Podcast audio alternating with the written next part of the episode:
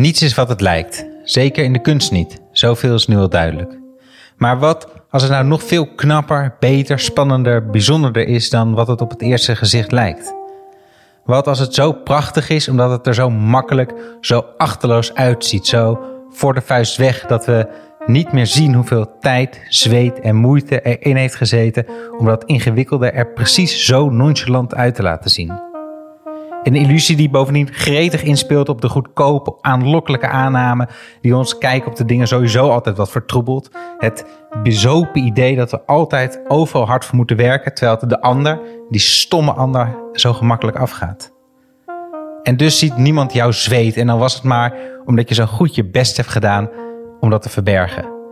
Is dat misschien de tragiek van de vakman? Wat als niemand ziet hoeveel moeite iets gekost heeft zien ze dan wel wat je eigenlijk gedaan hebt, wat een werk erin heeft gezeten en wat een prestatie het eigenlijk is. Wat doen we dan? Kunnen we dan meer dan vooral heel hard lachen? Dit is Kunststart, de podcast waarin ik, Ko van het Hek, met mijn gast in gesprek ga aan de hand van hun favoriete kunstwerk over kunst, maar vooral ook over het leven. Leuk dat je luistert. Vandaag de gast, acteur Huub Stapel. Um, je kan hem kennen uit het theater of misschien van de geweldige jaren 80 films als Lift en Flodder, waar hij uh, Johnny Flodder speelde. Um, ik vond het een leuk gesprek, omdat ja, het is gewoon leuk om zo'n man in de studio te hebben. Uh, uh, toch een icoon voor mij in ieder geval van, van mijn jeugd en van, van tv. En zoveel dingen gemaakt. Um, dat ik eigenlijk gewoon heel erg benieuwd was ja, wat inspireert hem dan? Wat vindt hij dan goede kunst? En ik was gewoon een heel grappig gesprek, denk ik. Ik ben heel benieuwd wat jullie daarvan vinden. Um, ja, je moet eigenlijk maar gewoon gaan luisteren. Ik ga er niet verder niet veel over zeggen. Um, eerst wel nog even huishoudelijk een paar mededelingen. Uh, zoals je gewend bent, volg ons in je podcast-app en mis geen aflevering. Volg ons op Instagram voor meer kunst in je feed, kunsthartpodcast. En ik blijf het vragen, word vriend van de show. Uh, alsjeblieft, met een kleine bijdrage van onze luisteraars kunnen we dit programma namelijk blijven maken. En vriend worden is makkelijk, namelijk vriendvandeshow.nl slash kunststart. En dan nu Huub Stapel.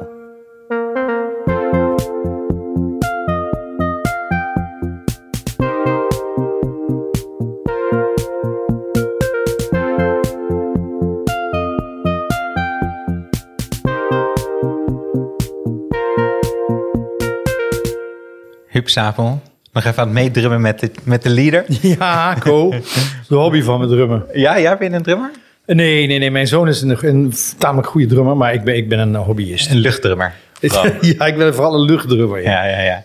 Heel goed dat je er bent. Um, ik zag een interview met jou, denk ik een jaar geleden, uh, met Paul de Leeuw bij Cultuur en Actie. Ja. En toen zei jij, zonder cultuur is er niets. Nee.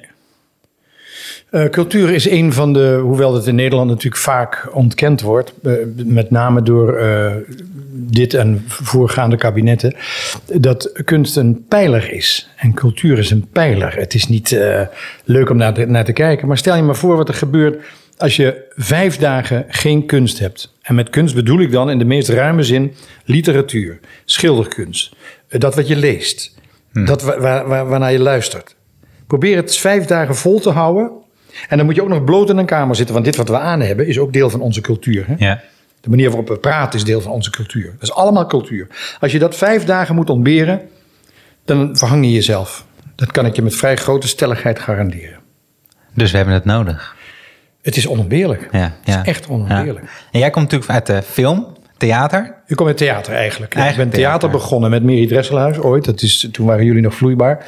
Een hele oude, beroemde Nederlandse actrice. Ja. Die je misschien niet meer kent, maar die... Ja, dat was de, de bekendste actrice van Nederland. En daarnaast debuteerde ik vanaf de toneelschool... in een stuk dat heette Harold and Maud. Ik was Harold en zij was Maud. En dat, heb, dat hebben we 175 keer gespeeld. Ja. En... Uh, maar toen heel snel kwamen de grote films. En de, toen zat een vriendje van Dick Maas in de zaal. Ah. En Dick Maas was de lift aan het casten. Ja.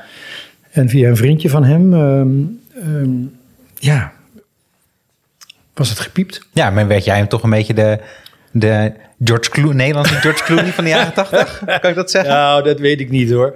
Dat weet ik niet. Maar Bob Bertina was een heel, heel beroemde filmcriticus in Nederland. Die schreef in de Haagse Post dat er eindelijk weer eens een film uh, uitkwam waarin iemand gewoon acteerde. Alsof het uh, dagelijkse kost was. En wat bedoelde je dan? Gewoon acteren? Nou, dat, dat iemand gewoon niet stond te spelen. Heel, heel natuurlijk. Dat ik heel natuurlijk was en dat ik een, een ja, goed soort natuurlijk had. Ja, ja. Ja. Maar goed, dus, ja, dus dat is de liefde, is, is, is acteren. En, maar daarnaast is er ook dus een liefde voor beeldende kunst. Ja, altijd- nou, jou- ja, niet alleen beeldende kunst, eh, eh, eh, het kunst in het, in het algemeen. Maar ja, ik heb hele leuke beeldjes thuis en ik heb leuke schilderijen. En ik heb heel veel leuks in gedachten wat ik helemaal niet kan betalen. Zoals het werk van de man waar wij het vandaag over gaan hebben. Dat is inmiddels ook onbetaalbaar geworden. Ja. En hij exposeert over de hele wereld. En toch is hij in Nederland een grote onbekende. Hoewel hij in Brabant en Volkel is geboren, nu in België werkt, is hij voor het grote publiek hartstikke onbekend. ja, daar gaan we het misschien straks nog over hebben, hoe, Hmm. dat, hoe dat komt. En, eh, maar en maar ben jij, ben je opgegroeid met kunst, beeldende kunst? Ging namen je ouders je vroeger al mee naar het museum? Nee. Of hoe is dat gegaan? Nee, ik ben opgegroeid in de snoepwinkel, die ongeveer twee keer zo groot was als deze tafel. Letterlijk in de snoepwinkel. hè? Letterlijk in een snoepwinkel. Ja. Mijn vader was ook vertegenwoordiger in snoepjes. Mijn moeder was eigenlijk van huis uit onderwijzeres. Eh, maar ja, met, met eh, zes kinderen en een snoepwinkel komt er natuurlijk van het onderwijs weinig. Ze heeft toch nog 27 dienstjaar in het onderwijs gehaald. En mijn vader die had de HBS gedaan. Dus het waren twee behoorlijk eloquente, slimme mensen. En door een hele domme fout zijn ze in die snoepwinkel terechtgekomen. En daar zijn ze eigenlijk hun hele leven aan vastgeklonken gebleven. En drie weken voor zijn dood zei mijn vader tegen me... Huub, ik, ik ben boven op de berg. Ik zei, wat is dat dan, pap? Zei hij, ik heb de laatste 100 gulden afbetaald. Van een lening uit 1954. Van een vriendin van mijn moeder. Tien jaar geleden kon ik dat niet zeggen zonder in luid geween uit te barsten. Nu eh, is dat een beetje gezakt. Maar dat zegt een beetje, eh, eh, dat beschrijft ook heel goed het milieu waarin ik opgroeide. Maar dat was wel Twee hele lieve, lieve, lieve, lieve mensen. Die eigenlijk geen cent te makken hadden. Ja. Maar mijn vader bijvoorbeeld speelde piano, viool, accordeon. Zong heel mooi, ook klassiek. En mijn moeder die, die kende honderd gedichten uit haar hoofd. Dus de, de muzische kant die kwam er van twee kanten in. En de belangstelling voor gedichten ook. Ik lees bijna elke dag wel één of twee gedichten. Dus dit, er was altijd wel heel, een heel grote ruimte voor, voor ja, hoe wil je dat noemen? Ja, nou, Cultuur, kunst, kunst. cultuur. Maar, Ja. maar dus niet, jullie gingen niet naar het museum? Nee. Is dat, wanneer is dat gekomen bij jou? Dat is gekomen nadat ik ben afgestudeerd. Nou, eigenlijk al tijdens de studie een beetje. eh, eh, Dat er, Theaterschool? Theaterschool, toneelacademie in Maastricht. Dat er gezegd werd... ehm, nou, ehm, en dat was geloof ik in lessen cultuurgeschiedenis of zo... eh, dat er gezegd werd, nou, nu is er in het museum dat en dat. Ga eens kijken. En toen pas verruimde de blik ehm, meer. Nog meer dan ik vanuit de opvoeding had meegekregen. Want mijn ouders hadden, die waren nooit oordelend. Die, die zeiden altijd, ga maar kijken en vind zelf maar uit. En als er een probleem is, dan kom je maar terug, dan helpen we je wel. En tot dat moment, prima.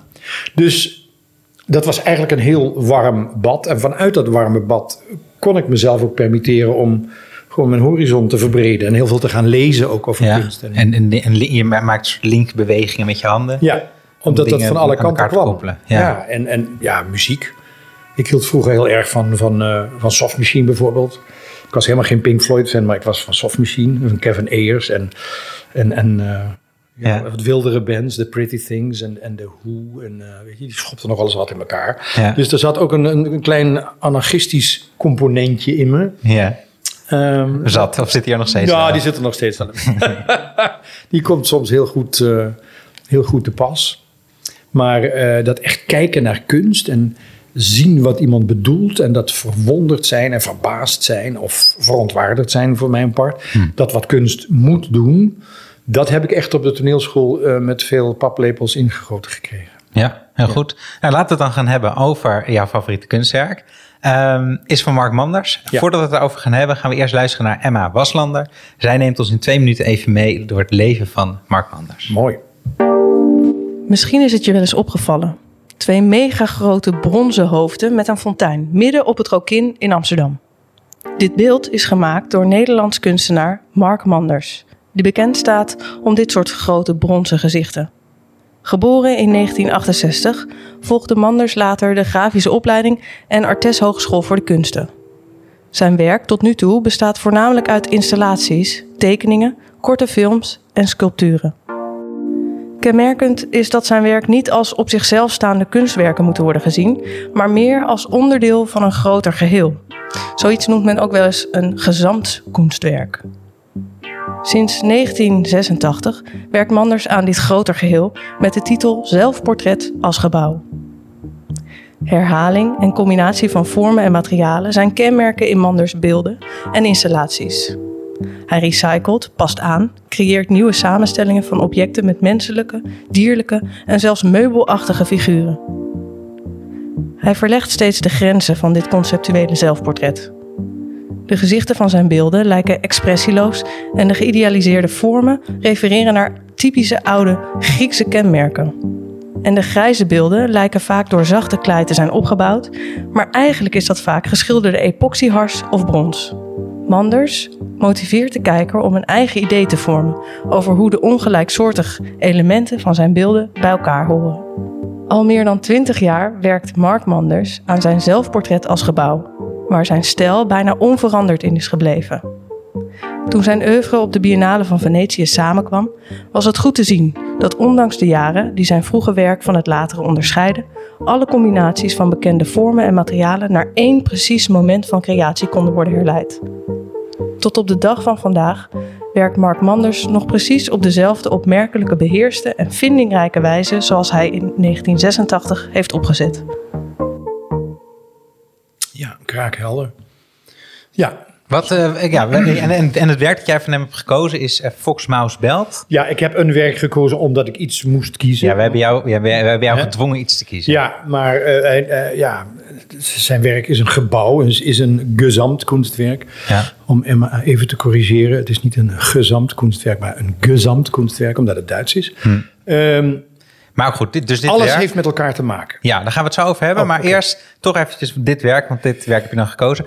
En Ik ga je zo vragen waarom het je raakt en zo ook. Maar eerst eh, voor de luisteraars die eh, nu niet de tijd hebben om in de show notes even te kijken, op een linkje te klikken hoe het eruit ziet. Mhm. Hoe ziet het eruit? Wat is het kunstwerk? Er ligt een vos op de grond.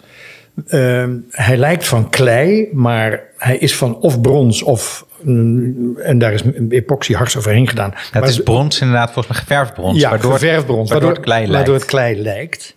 Eh, in de buik van de- deze vos zit een muis.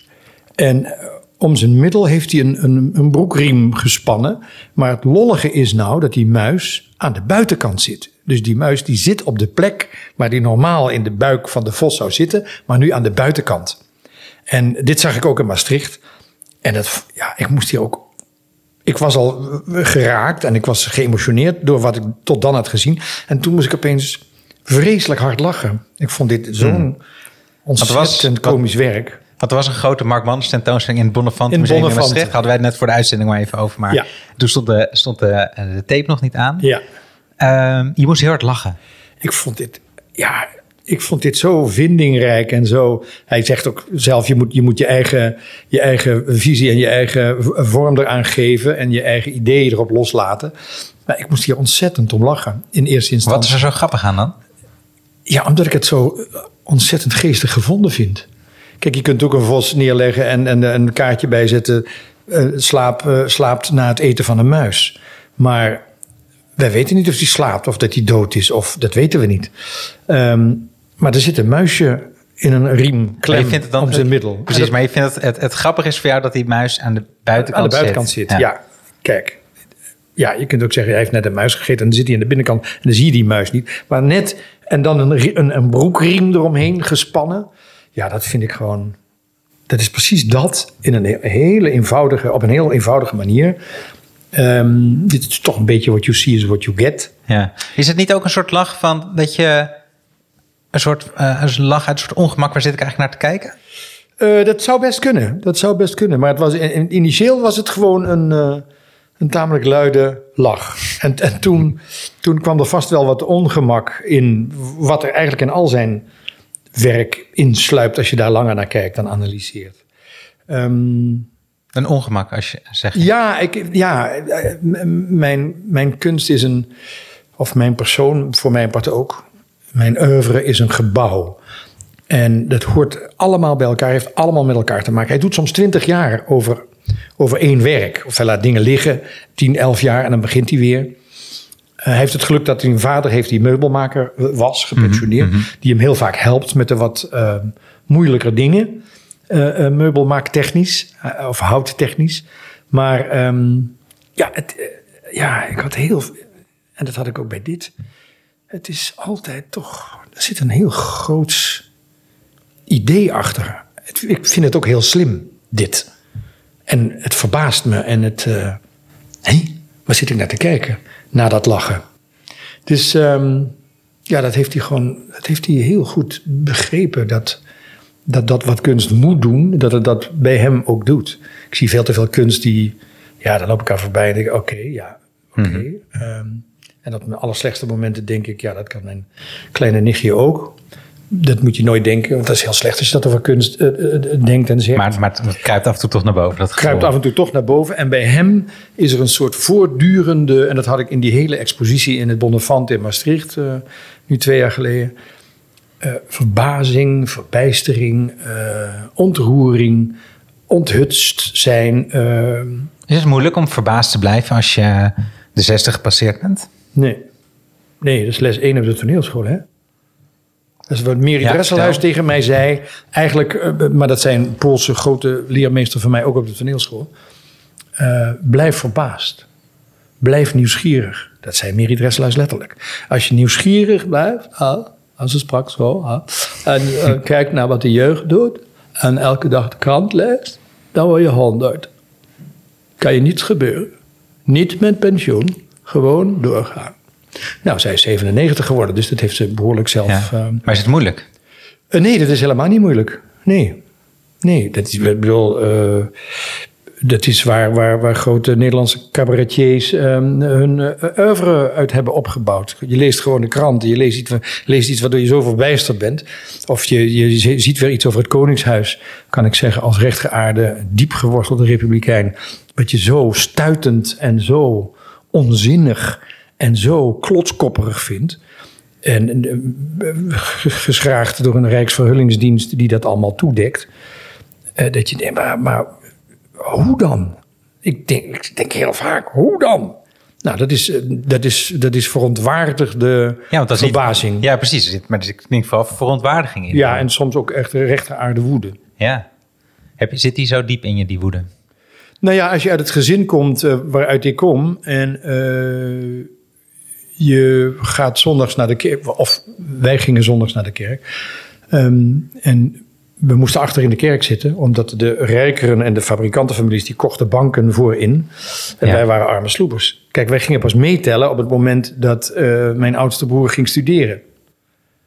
Toen dacht ik opeens, oh, we zitten. En toen ging nog een broer studeren. En toen mijn zusje ging naar de kweekschool. Ik ging naar de toneelschool. En na Harold en Maud was het al een beetje veranderd. Maar na de lift was natuurlijk helemaal de boot aan. Toen moest ik opeens gaan eten met de burgemeester van Tegelen.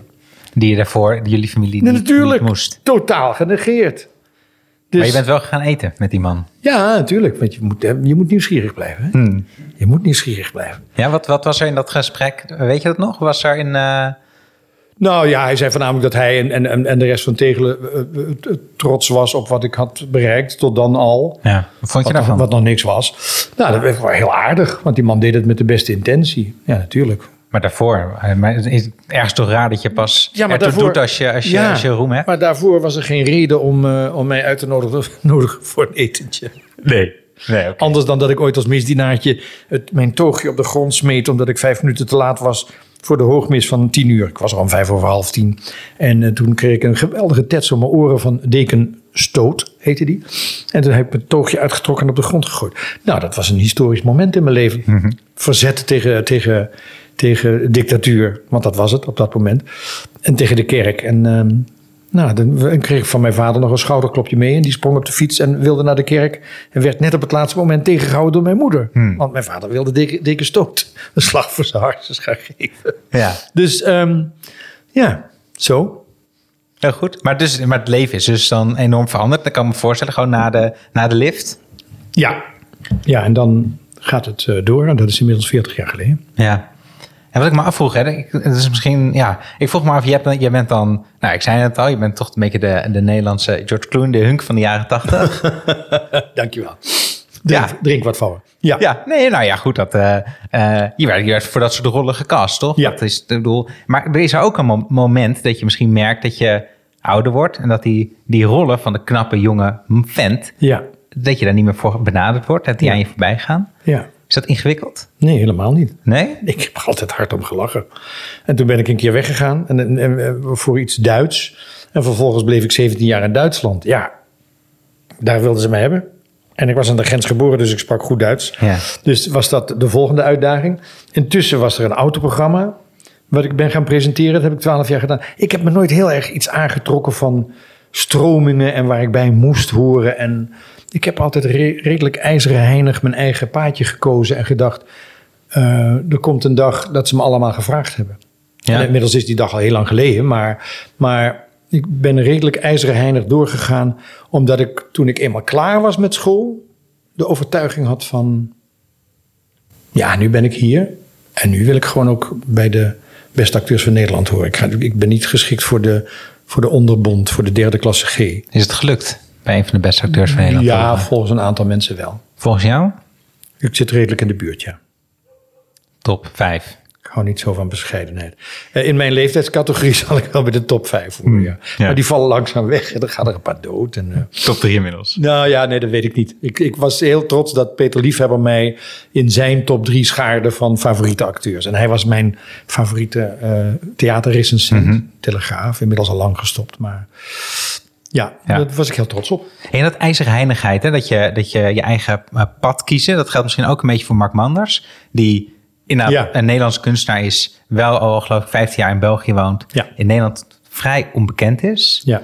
Ehm, Oh, zeggen mensen dan, oh, dat is die man van, het beeld op het rokin. Of snap je dat? Dan herkennen ze hem aan zijn werk, Ja. maar geen idee. Naam en rugnummer en uh, vind je dat, überhaupt, Nederlander. ja, is dat tof of is dat, maakt het niet zo uit? Dat maakt niet zoveel uit, want je weet dat, je, dat, dat profeten in eigen land eh, niet geëerd worden. Dat is heel simpel. Dat, daar hebben wij allemaal mee te maken. In, in toneel, cabaret en film, en muziek. ehm, dat is, Ervaar dat zo, ja? Isra heeft gezegd, als, je, het- als het je in Nederland lukt, Isra Meijer, ehm, zei als het je in Nederland lukt, dan lukt het je overal. Het is nergens zo moeilijk om, om A, boven te komen drijven en er te blijven. En dat, dat is wel redelijk waar hoor. Ja. Waar ik ook gewerkt heb op de wereld, in Duitsland, in Engeland, Frankrijk en België. Overal zeiden ze, "Ah, geweldig, leuk. En, eh, Hebben, hebben- waarderen wij, hebben ben je niet genoeg gewaardeerd in Nederland? ik ben enorm gewaardeerd. Ah, Zeker de wel. laatste jaren, maar dat, dat duurt altijd heel lang. Hè? En Ja, weet ik niet. ja, dat duurt vaak lang. En soms ben je dan heel kort de favoriet van iemand. Hmm. En dan wil je eigenlijk meteen mensen bellen en zeggen van... kijk uit, er staat daar achter die hoek staat iemand met een honkbalknuppel... en die slaat je echt je kop eraf. Dat is natuurlijk, daar kun je op wachten. Dat, eh, gewoon dat klassieke boven het maaiveld Ja, uit. ja, eh, ja, daar zijn wij heel goed in. En wij houden niet van kunst. Als mensen, mensen slaan toch altijd de kunstpagina over in de krant. Kunst, och nee. Want ze associëren het met iets waar ik het niet mee associeer. Maar ze associëren het met, eh, nog steeds geloof ik, met mensen die tot twaalf uur in een nest liggen. En, Ja, ja dus we, wij zijn deze podcast ook begonnen omdat, omdat we ons dat ook af en toe afvragen. Van hoe komt het toch dat wij, dat er in Nederland, hè, je hebt ook in. Duitsland gewerkt. eh, Ja. Daar wordt de kunstcultuur op een heel andere manier gewaardeerd dan, dan in ze Nederland. noemen je net geen professor, maar het is altijd herstapel. En dat houden ze zeker vijf dagen vol. En ze- dan zeg je, we willen weer duzen. Hè, we, zullen we tutoyeren. Nein, um Gottes Willen, das geht nicht. Das kann ja nicht wahr sein. Ze sind ja ein berühmter Schauspieler. Maar waarom is het in Nederland dan zo anders? Wat maakt, wat doe- maakt hey, hey, rustig aan, joh. Rustig aan. Doe maar gewoon, doe je gek genoeg. Ik kwam een keer een café binnen. Toen zei iemand tegen me, gewoon volkomen out of the blue. Ik stond gewoon, hey, je moet niet denken dat je meer bent dan wij, hè? Nou, zo'n stilte viel er toen ook. Ik zei, joh, we gaan een meter achteruit. Dus krijg je een roei van je bakkers. En dat deed hij vervolgens heel slim. Hm. Maar dat is Nederland. Maar hoe komt het? Ja, we houden er niet van. Ja, we houden, wij, de kost gaat voor de baat uit. Ja, dat kennen wij in Nederland helemaal niet. Dat is een heel oud spreekwoord. De kost gaat, vadertje kats was het Ik misschien. ken het niet. Wat betekent het? Ja, de kost gaat voor de baat. Je moet dus eerst investeren voordat je baten, voordat je winst maakt. Kijk, dat hebben ze in Denemarken bijvoorbeeld in de filmindustrie heel goed begrepen. Ze, ze, ze hebben heel erg geïnvesteerd in opleiding, in, in eh, goede opleiding, in, in eh, doorvrochte scenario's in goede regisseurs die weten wat ze tegen acteurs moeten zeggen. Hele goede acteurs. En dat hebben ze heel, heel goed gedaan na lange jaren volgehouden. En nu plukken ze daar de vruchten van. Ja, Nu verdienen ze gewoon 100 miljoen per jaar aan, aan, aan Deense series die, die de wereld over gaan. Ja. Denemarken is god beter het een kwart van Nederland. Waar hebben we het over? Hm. Hier proberen we alles. Hier, eh, eh, hoe heet die man? Die, die vreselijke, die, die was directeur van de Postduivenvereniging voordat hij minister werd. Die eh, bij- Poetin in de Dacia was geweest. Eh, dit is halve zelfs. Nee. Ja, halve Zolstra. Halve, oh, ja, halve Zijlstra. halve, halve, halve Zolstra, ja. Die, die, die alles aan elkaar liegt. En Toch een vervolgens- beetje flauw om halve Zolstra te Ja, dat is een halve, het is niet eens een halve zool. Het is een ontzettende, ontzettende klotskop, een non-valeur, een kletsmeijer... die omhoog gevallen nu bij, bij Wessels eh, zit, als, eh, ik denk als, eh, als agenda. Want die, hij kent heel veel mensen. En eh, ik wens je bij Wessels heel veel succes. Ik hoop dat hij daar niet eh, ook eh, zo hard gaat liegen als Je bent die- echt boos op deze man. ja, ik ben ontzettend boos. Want hij heeft tien jaar geleden heeft hij, heeft hij, de, heeft hij de Nederlandse cultuur ongeveer de nek omgedraaid. Hij heeft opleidingen afgesloten, eh, beginplaatsen voor mensen, voor studenten heeft hij gesloten. Hij heeft voor, voor 900 miljoen eh, bezuinigd Het is, op kunst. nee, ja, bedoel, het, Nou het ja, is allemaal, het is dus, allemaal eh, waar wat je zegt. Moet ik zo'n man, ik zou hem van een dak schoppen. Nog steeds. Ik wil hem nog steeds voor zijn bek slaan als ik hem zie. Ik heb ook gezegd, hij zit nu bij Wessels. En ik deed vorig jaar een voorstelling op het vliegveld in Enschede. Hanna van Hendrik. Wat nogal een succes was. En het was voor een deel gesponsord door eh, Inge. Inge Wessels, de dochter van, van, van Dick. En ik heb tegen Inge gezegd, ja, la- laat die halve maar niet komen hoor. Want ik sta niet voor mezelf in. En ik ken mezelf goed genoeg. Ik zou echt... Ja, dat, dat, dat, dat toch, toch die woede weer Ja, die daarin een zit. enorme woede drijft mij ook voort. Dat Ja. is ook een hele goede. Het is een, woede is een ontzettende goede moti- motivator om door te gaan. Om tegenslag te verwerken. Wat kan ik niet? Wat? Zullen we wel eens zien. En dan gewoon gaan doen. Maar je heeft ook een destructieve kant, die woede. Nee, die heeft bij mij tot nu toe buitengewoon goed eh, uitgepakt. Hmm. Als je niet te veel mensen de- voor de bek slaat en in het gevangen belandt, dan. eh, Ja, heel je goed. moet altijd met reden mappen. hè. Je moet niet, niet zomaar, eh, zoals die jongens in eh, eh, Mallorca, iemand doodschoppen. Dat Nee, snap je? Nee. Een andere vraag. Ik, je zei net over, over Denemarken. En ik moest toen denken eigenlijk aan wat, wat Mark Mandersen heeft gezegd. Om toch weer even terug te gaan ook naar het kunstwerk. Hij heeft een keer gezegd over zijn werk dat het heel veel tijd kost om iets er zo eh, gehaast en zo naturel uit te laten zien. Ja. Eh, dus ik moest daar aan denken bij toen je dat vertelde over die, dat succes, dat de Deense serie succes, maar ook misschien wel over je eigen acteerwerk. Dat je er heel veel tijd in moet steken om het zo naturel mogelijk eruit Ja. te laten zien. Ja. Is dat Ja. zo moeilijk om iets er naturel uit te laten zien? Ja, blijkbaar. Omdat heel weinig mensen dat doen. Ik bedoel, eh, ik presenteerde het autoprogramma en ik presenteer nu ook eh, de documentaires. En ik praat altijd een beetje voor de vaak. Maar het is allemaal gescript. Maar dat, die dingen zo zeggen alsof ze gewoon ter plekke zijn verzonnen. Dat is het harde werken. Dat is de voorbereiding. Dus ehm, ja, ik heb vorig jaar King Lear gespeeld. Was mijn eerste Shakespeare. En toen schreef iemand, ja, dat normaal begin je bij en dan... King Lear is dan de top van, eh, van de berg. Moet je eerst heel veel andere Shakespeare Ja. gespeeld hebben voordat je King Lear mag doen? En dan denk ik, wie heeft dat ooit gezegd? Wie heeft dat verzonnen? Waarom is dat zo? Ik zal eens bewijzen dat het niet zo is. Hmm. Nou, dat was een feest. Ja. Dus, eh, en iets er makkelijk laten uitzien vereist enorm veel werk. Dat is het harde werk. ja. Is dat ook wat je goed vindt aan, eh, aan man, Manders? Dat het, Ja. daar, Ja, dat het uitziet alsof hij net, is weggelopen? Ik had vorige week met Natasha Harlequin over Rodin... die Ja. ook een soort stijl heeft waarbij het lijkt alsof de kunstenaar weggelopen is uit het atelier... en er toen Ja. ongeluk ineens een beeld klaar maar ik ben bij de expositie van Rodin geweest vorig jaar in Parijs. En dan moest ik toch constateren, en dat is het grote verschil met Mark Manders, dat bij Rodin wordt het een soort kunstje. Ik vond het een soort trucje Ah. worden. De- te veel, het leek te veel op elkaar.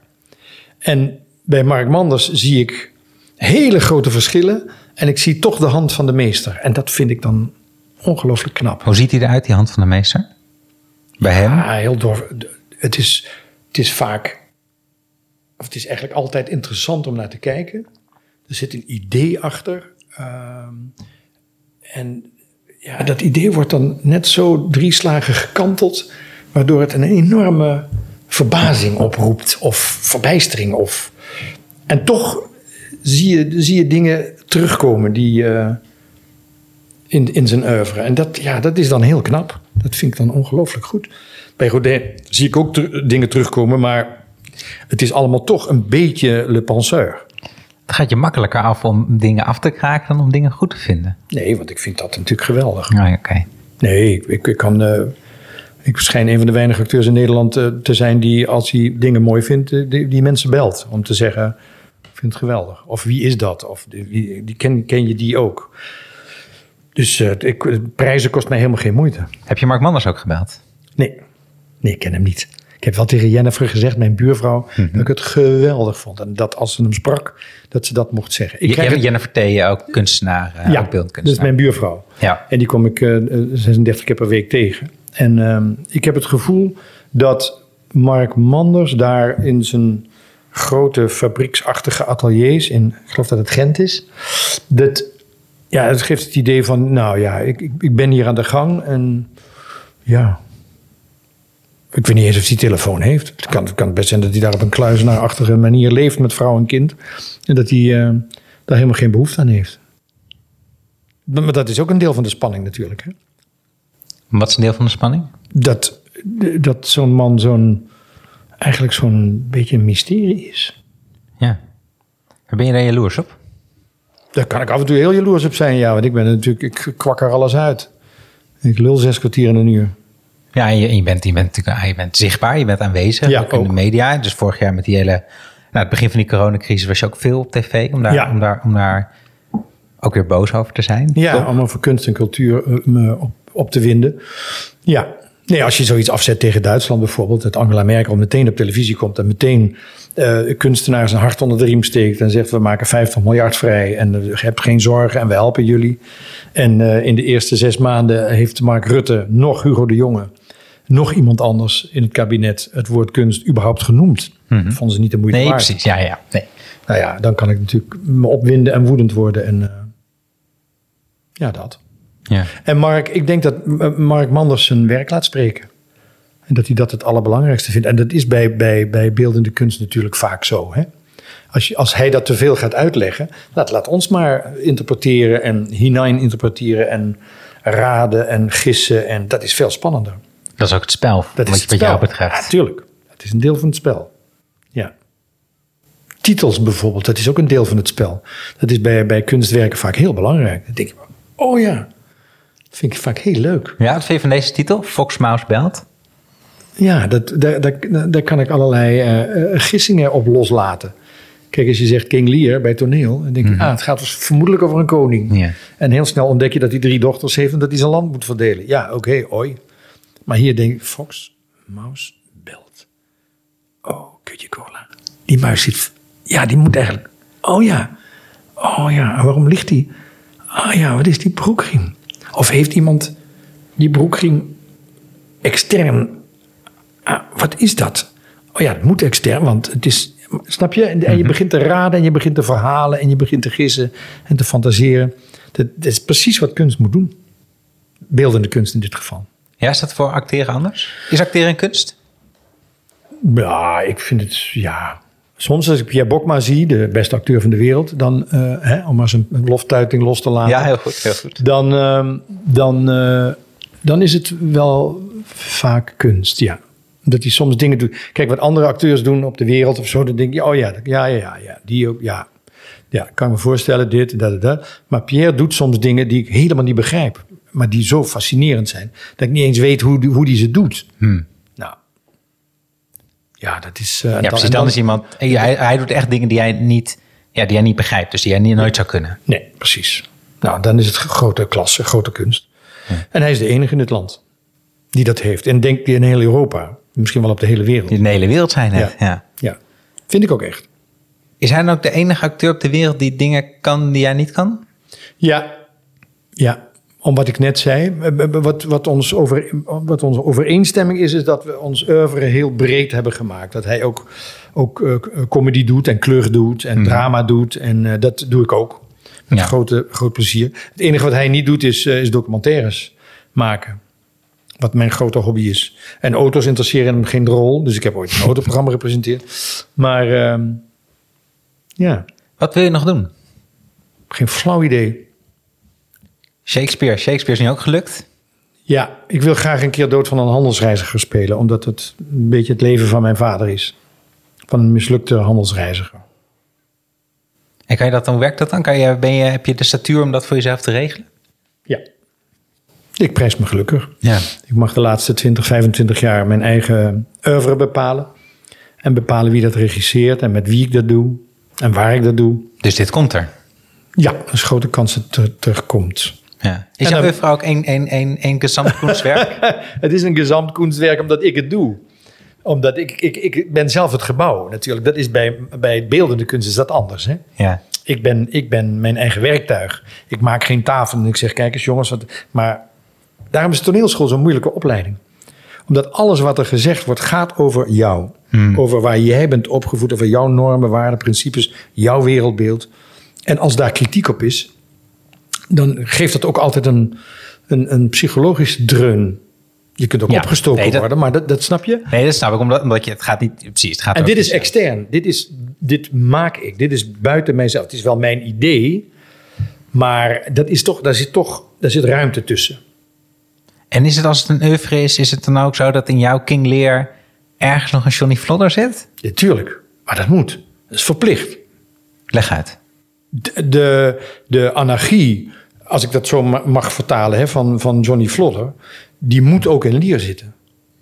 De aanpak van de rol moet, in, ja, dat moet ook een beetje vlotter zijn. Maar het moet ook een beetje Ruud Lubbers zijn. En een beetje Spinoza en weet ik veel wat ik allemaal heb gespeeld. Dat moet het Ferry, hè, de, de, de, opperboef in, in, in eh, Ferry, de film. Ja, ja de undercover, Ja. eh, eh, de serie is een Ja. film van gemaakt, daar speel je een rol in. Ja. Speel jij een rol in? En dan praat ik een beetje zo, weet je wel.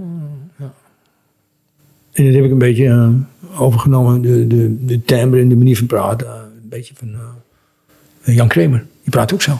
Een beetje met een versnelling en dan weer terug. En, ja, dat vind ik dan heel geestig, omdat... en dat er dan in een recensie staat... Stapel is de eerste Limburger met een overtuigend Amsterdamse accent. Dat vind ik dan natuurlijk enig. Dat Ja, die, complimenten die doen, ja, die, die doen goed. Doe je het Die doen altijd goed, natuurlijk. Als je niet, als je niet opgestoken wordt, als, je, als het bij, bij Harold Moord niet staat... eh, eh, naast Mary Dressler blijft hij eh, overend en meer dan dat. En, als, als het niet af en toe een compliment is, dan ga ik er toch een beetje van de kook, niet? Ja, nee, complimenten zijn... Ik denk het wel. Ja, ja, ja zeker. Maar Ja. het, is, het is natuurlijk wel de vraag, hoe, hoe, in hoeverre, hoe, hoe belangrijk is het? Hè? Doe, doe je het ervoor? Eh, Nee, nee, kan je zonder? nee, Eh, nee. Zou je gestopt zijn als die complimenten niet waren geweest? Als de complimenten er niet waren geweest, dan zou ik al lang hebben moeten stoppen, denk ik. Omdat dan, Omdat er dan ook geen werk meer komt. ja, dan komt er geen werk meer. Maar niet omdat je dan zelf denkt, dan heb ik niks toe te voegen. Ja, dat zul je nooit weten. Dat zul je nooit weten. Want compliment, een compliment schraagt ook je, je zelfvertrouwen. En je, er is moed voor nodig om, om, om te acteren. Er is ook moed voor nodig om kunst te maken. En kunst die zo onderscheidend is dat die in dit geval eh, de wereld over gaat. Zoals Jaap van Zweden. Muziek is een internationale kunst. Veel internationaler dan, dan acteren. Ja, is dat zo? Ja, natuurlijk Waarom? de interpretatie van iets van Beethoven, Bach, Mahler, Rachmaninoff is, eh, is eh, globaal. En is een globale taal. Muziek is een globale taal. En dat is acteren niet. Ik, ik, ben, ik speel het beste in het Nederlands. En geen enkele acteur die in het buitenland speelt, en of het nou Carice is of wie dan ook, kan mij komen vertellen dat je in het buitenland, in een Amerika-Engelstalige rol, dezelfde nuance hebt als in het Nederlands. Dat is uitgesloten. Tenzij je daar bent opgegroeid natuurlijk. Of tweetalig bent Ja. groot Ja. getrokken. Ja. Maar in alle andere gevallen is dat gewoon uitgesloten. Blijf je altijd spelen, denk je? Tot het einde? Ja, natuurlijk. Ja? Ik ben pas 66. Ja, nee, dat, dat, is, dat, dat is Nee, dat is- en je, bent, je, ziet, Nee, er, je maar ziet dat- er fit uit ook. Ja, maar dat is het adagium van Meri. Als je, als, je, als je vandaag stopt, ben je morgen dood. En het is mijn hobby natuurlijk. Wie kan nou zeggen dat hij van zijn hobby zijn beroep maakt? Dat zijn toch maar weinig mensen. Ik behoor tot een heel klein eh, select groepje... dat elke dag met ongelooflijk veel plezier ehm, erin vliegt. Hartstikke leuk. In, in een setting die ik zelf heb uitgekozen... met mensen die ik zelf heb uitgekozen. Hoe leuk is dat? Ja, weet je, het klinkt, Cool. klinkt perfect, eh, Huub. Ja. ik zie mezelf als een enorme bofkont. En Ja. dat is ook zo. Ja. Ik heb altijd geluk gehad. Altijd gelukt. Nee, Maar je hebt ook tegenslagen gezien. Ja, die heb ik ook gehad, maar daar kwam ik meestal snel overheen. Ik heb een broer, hij komt boven mij. Ja, dat is toch zeker de eerste 25 jaar altijd pech. Er is een polio-epidemie in, in Nederland in 1957. Hij krijgt polio, niet ik. Dus dit, hij, hij was altijd de klos. En ik zwierde altijd zo overal makkelijk, eh, ik scheerde overal makkelijk naast. Ik ben wel een paar keer bijna dood geweest, maar... maar, maar eh, Zeg je in een bijzin? hè, ja. Ja, ik hing op mijn negentiende in een papierpers bij OC van der Ja, dat hoorde ik, ja. Ja.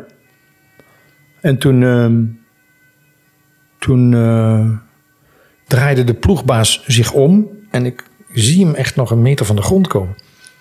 En ik hing. Van op- schrik? Ik, ja, ik hing op mijn kop. Ik had haar tot eh, echt eh, Tot aan je ellebogen. over mijn elleboog. En ehm, ik hing op mijn kop. En boven waren mijn benen tussen de walsen. En hier zeilde dat, dat eh, architectenpapier... dat met een snelheid van 42 meter per seconde... op een houten kern kwam, zoals dat heette. Dat zeilde zo over me heen.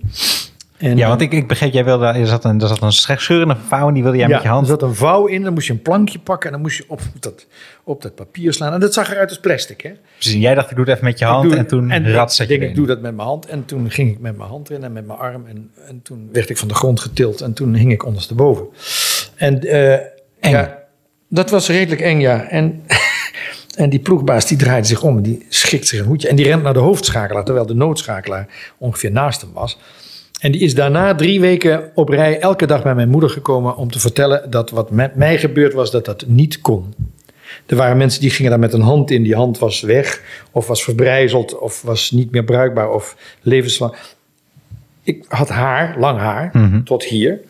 Ik had gescalpeerd moeten worden, ik had geplet moeten worden, had van alles met mij moeten gebeuren en er gebeurde niets. Ik had een bloeduitstorting. Maar ik denk alsof je een soort, Hier. bijna een soort uitverkoren bent. Al dat geluk en eh, het succes en dan Ja. en, en zoiets overleven. Ja, Voelt dat zo soms? soms. Maar je bent niet gelovig. Je bent wel gelovig opgevoed? Ik ben, ja, ja, hebben ze wel geprobeerd, ja. Ja. Die leuke mensen. Nee, ik ben totaal atheïstisch. Omdat ik gewoon ook, ook zag wat er met dat geloof gebeurde. En ehm, dan had ik ook nog een broer die, die, die op zijn twaalfde werd uitverkoren om naar Rolduc te gaan, naar de priesteropleiding. Nou, daar was natuurlijk ook van alles aan de hand met eh, misbruikende eh, geestelijke en zo. Dus eh, ja, ik werd vrij snel wakker uit die ehm, religieuze droom. ja. En ik ben daar nooit meer in teruggevallen.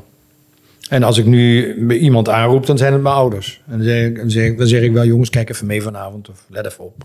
Nou, wel een soort, toch wel een soort, een soort biddenachtige... eh, ja, een soort religieuze eh, connectie is er eh, altijd wel, als je dat zo wil noemen. Maar dat kwam gewoon toch ook voornamelijk door het feit dat mijn ouders geweldige, geweldige mensen waren. Die ons heel goed hebben opgevoed en ons alle kans hebben gegeven om te worden wat we wilden worden. Zonder dat zij zelf die kans hebben gehad. Ja. Moest je, het moest je, Mark Manders vertelde, de kunstenaar, dat hij, uit, dat hij een beetje uit de kast moest komen naar zijn ouders dat hij kunstenaar Ja. wilde worden of zelfs kunstenaar was. Ja, Is dat voor jou terwijl zijn vader hem nu meehelpt. Dus dat natuurlijk, Ja, ja, ja. dat is al top. Eh, nee, ik hoefde helemaal niet uit de kast te komen, want ik heb een brief van mijn vader, drie weken voordat hij overleed. Dat hij zo blij was dat een van de jongens, of een van de kinderen, en ik had ook nog een zusje natuurlijk, dat een van de jongens in de kunst eh, terecht was gekomen. Dat hij dat zo geweldig vond. Mooi. Ja, dat vind ik ook. Maar ik had hem er graag bij gehad nog. Had niet gekund, want dan was hij 110 geweest, maar ik had hem er graag bij gehad. Ja, mis je hem? Vaak? Ja, ik denk soms. Dan gebeuren er dingen, maar dat geldt, met, dat is, dat geldt voor Ma ook. Dat ik ze. Dat ik ze graag wat, een wat grotere en diepere inkijk in mijn leven had gegeven. En dat ik ze had willen laten profiteren van het succes. Dus ik, ik had mijn eerste succes met, met Harold and the Lift. Meteen naar school. En toen zei ik tegen Ma. Was pa al dood. In 1975 was hij gestorven. En wanneer ben je afgestudeerd? 81. Oh ja, precies. Dus toen was pa ja. zes jaar dood. En toen zei ik tegen mijn moeder... eh, mam, kom, eh, we gaan naar New York. Ik dat ik even de wereld zien. Ach, nee, nee, nee. Nee, doe het maar niet. Doe maar niet. Laat mij maar thuis. Ja. Laat Dus toen kon thuis. ik, ja, laat mij maar thuis. Toen kon ik iets terug doen. En toen hoefde het niet meer. Toen kregen wij als kinderen ook nog allemaal 100 gulden. Eh, ja, 100 gulden toen van haar pensioen van 2000 gulden. Want ze had met haar pensioen opeens meer geld dan ze met pa ooit gehad had. Dus het was. ehm, ja, dat vond, ik- vond ik altijd wel redelijk verdrietig. Ja. Ja. En nu met Mark met zijn vader, dat vind ik natuurlijk, ja, dat vind ik ook al. Dat raakt me ook enorm. Ja? Dat die vader meubelmaker is en dat hij hem helpt en zo. Ja, ik zou, wel, ik zou wel eens, dat heb ik niet heel vaak, maar ik zou wel eens bij hem op het atelier willen kijken. Dat zou ik wel eens willen zien, hoe die, gewoon een dagje, hoe die daar doorkomt. Nou, we gaan het, we gaan het verzoek. Dit verzoek staat nu op tape. We gaan het Staat aan hem tape. doorsturen. Ja. Ehm, en als je dan eh, geweest bent, dan eh, horen we heel graag hoe het, eh, hoe het Ja, was. daar doe ik dan heel graag verslag van. Leuk, heel goed. Dank je dat je er wil zijn. Graag gedaan. Dank dat je wilde hebben. Ja, nee, ja, natuurlijk. Toch de George Clooney uit de jaren 80. Nederlandse George Clooney uit de jaren 80. Nou, ik ben liever de, de Laurence Olivier van 2022 en verder. Waarvan acte? Fox Mouse Belt van Mark Manders zit in de collectie van het eh, Museum of Modern Art, MoMA voor Intimi in New York. En wil je werk van Manders in het echt zien in Nederland, hou onze Instagram dan in de gaten voor updates daarover. En tussendoor, ga naar het Rokin in Amsterdam en daar is een beeld van hem. Em had het al eventjes over te zien. Eh, gratis en voor niks. Dit was Kunststart. Vond je dit nou een mooi gesprek? Volg ons dan in je podcast app om geen aflevering te missen. Op Instagram voor meer kunst in je feed op @kunstartpodcast. En word vriend van de show. Met een kleine sponsoring van jullie kunnen wij, alsjeblieft dankjewel, deze podcast blijven maken. Ga dus nu, ja nu, nee nu, naar vriendvandeshow.nl slash kunststart en word vriend van deze show. Het is voor jou een beetje, voor ons is het de wereld. Echt waar. Deze podcast werd gemaakt door mij, Ko van het Hek, samen met redacteur, producer en hostelaar Julius van het Hek, in samenwerking met Dag en Nacht Media en Tabernacle. Emma is Emma Waslander. Muziek werd gemaakt door Ed Bahoni en het artwork door Joey Andela. Dank jullie wel. En dank natuurlijk aan Huub voor het goede gesprek en Mark Manders hartelijk dank voor dit en alle andere kunstwerken. En jij, jij ook bedankt voor het luisteren. Tot de volgende. Dat is de laatste van dit seizoen met niemand minder dan kunstenaar slash nachtclub eigenaar slash kinderkunst tv maker Aukje Dekker.